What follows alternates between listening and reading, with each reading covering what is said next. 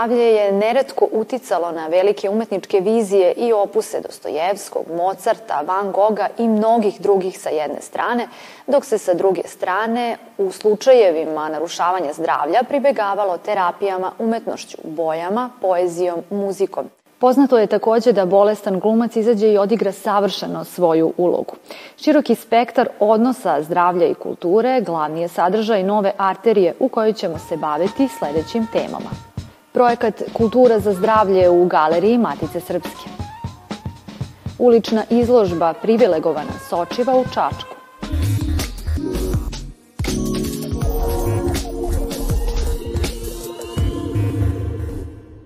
Pozitivan efekat kulturnih događaja na zdravlje bio je izraženiji kod osoba koji su češće prisustvovale na ovim dešavanjima i prosečno su u boljem zdravstvenom stanju oni koji i sami muziciraju, pevaju ili slikaju.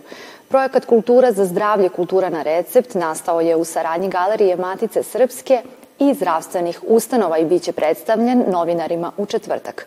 O tome razgovaram sa muzejskim edukatorom Goranom Vujkovim. Dobrodošli u Arteriju bolje vas našli. Šta je uslovilo iniciranje novog projekta i šta bi on trebalo da donese građanstvu? Kultura na recept je zapravo, tako reći, kao što ste rekli, novi projekat koji smo pokrenuli sa Institutom za javno zdravlje Vojvodine i Dom zdravlja Novi Sad u ideji i nastojanju da neki način spovežemo s jedne strane medicinu, odnosno zdravlje, i s druge strane kulturu i umetnost i da vidimo kakve veze oni zajednički mogu da, mogu da dovedu. Benefiti su razni, kako, što, kako je koleginica Marija Jevtić, koja je sa Instituta za javno zdravlje Vojvodine, navodi da sama radionica koja se organizuje ima depo dejstvo, odnosno nakon završnih prve dve, prve dve radionice, nastoji se da se na neki način samo zdravlje poboljša u odnosu kulture. Iz kog razloga? Zato što se počinje proispitivati i neki način redefinisati stara definicija zdravlja, to da više ono nije osustvo bolesti, nego nekakva težnja ka zdravlju kao socijalnom, mentalnom i fizičkom blagostanju. Naravno, u tom smislu samo zdravlje je neki, nekakav cilj i del koji treba da se zadobije. U tom kontekstu i sama umetnost i kultura nužno moraju da doprinesu nekakvom zdravlju kako individue, tako i čitavom, čitavom kolektivu. Iz tog razloga, pogotovo sa iskustvom COVID-a, kako smo imali pre par godina, došlo se do te ideje da tako reći, celokupno zdravlje nužno mora da dođe i sama kultura i umetnost. I iz tog konteksta se pojavila i ova saradnja. Na koje načine kultura i umetnost mogu doprineti boljem mentalnom zdravlju nacije i na koji način se može stanovništvo uključiti u projekat? Svaki građan mora da ima svog izabranog lekara koji mu preporučuje, jer ideja je prosto da neko može da konkretno boluje od nekakvog konkretnog simptoma, da on, na, na, na primjer, za sobom nosi druge propratne mentalne, tako reći, teskobe. I sad postoje pitanje da li, to, da li se to leči medikamentima, najčešće ne, ali svakako može da neki drugi aspekti socijalnog delovanja doprinesu poboljšanju i samim tim neki način pozitivno utjeca na konkretnu bolest ili zdravlje kao tako. Moramo da prosto uzmemo šire okvira. Tu svakako ne sme da izostane ni kultura, ni umetnost, ni nekakve socijalne aktivnosti, fizički angažman i sve to, ali to na neki način umetnost je tu dobra platforma da prikaže sve te aspekte ljudskog života i opet ta veza između s jedne strane umetnosti i života se neki način granična na toj tankoj, tankoj liniji. Ko će kulturne sadržaje prepisivati na recept? Tehnička ideja je bila da od izabranog lekara, dakle na teritoriji e, Novog Sada, da se dobije kultura na recept, odnosno konkretno recept za samu ulaznicu na radionicu, što je inicijalna ideja da više, da se dopre pre svega do nemuzejske publike s jedne strane i neki način da se sama kultura zdravlja poveća i s druge strane zdravlje jedne kulture. S druge strane, u sami posetioci, odnosno pacijenti u datoj ulozi dobijaju kartu koju je ovde, tako reći, verifikuju na sam dan organizacije radionice, gde se potpisuju, overavaju svoju, tako reći, prisutnost i sama radionica se sastojala od dva dela. S jedne strane je to bilo kustovsko vođenje, koje je, tako reći, metodološki adaptirano konkretno sam, kroz samu praksu rada, odnosno nije to klasično kustovsko vođenje kroz istoriju umetnosti, nego su se birala pojedinačna umetnička dela koja su, tako reći, interpretirana i adaptirana dati konkretno kontekstu, nekom socijalnom kontekstu ili u mentalnom zdravlju. I sama, same teme koje su se načele u kontekstu samog Vasa Pomorišca, koji nam je najviše poslužio za sam projekat, se koristilo za raspravljanje i rad na datim temama, koje u krajem slučaju treba da dovede do nekakvog zdravijeg pogleda na zdravlje. Hvala na razgovoru. Nema na čemu.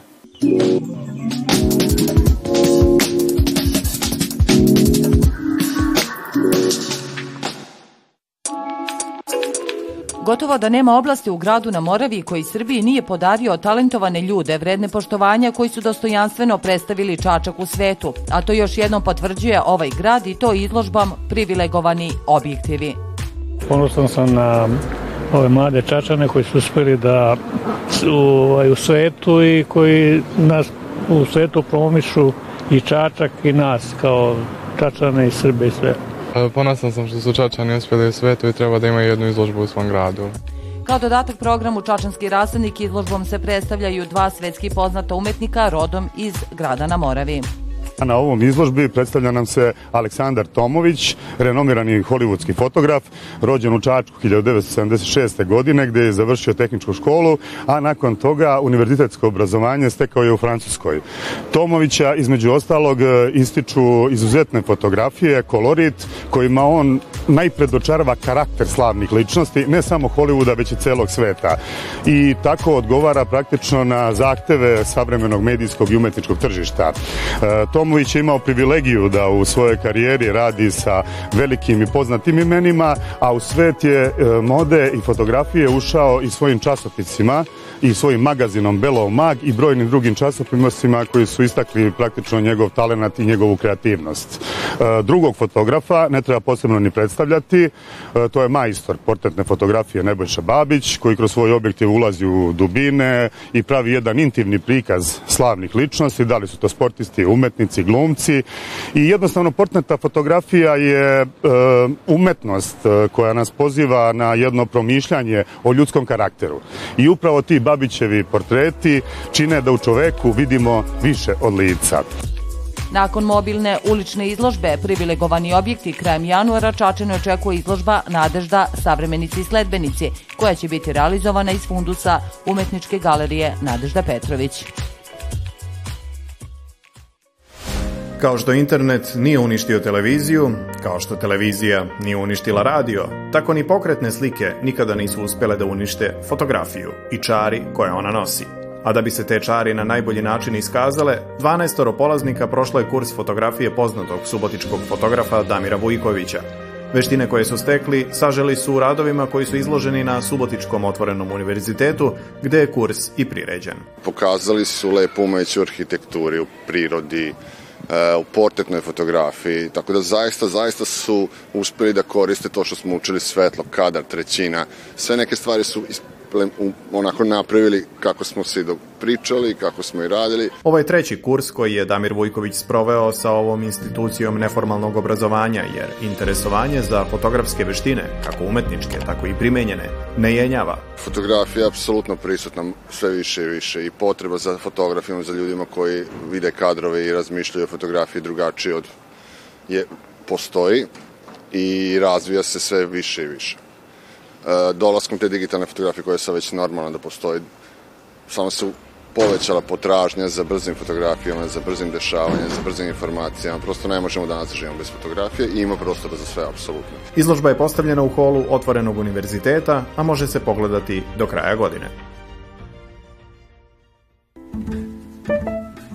Kolažna izložba učeničkih radova povodom 75. jubileja škole za dizajn Bogdan Šuput u Studentskom kulturnom centru Fabrika još je jedan od projekata za kraj godine koji je ova srednjoškolska ustanova predstavila zainteresovanim posetiocima.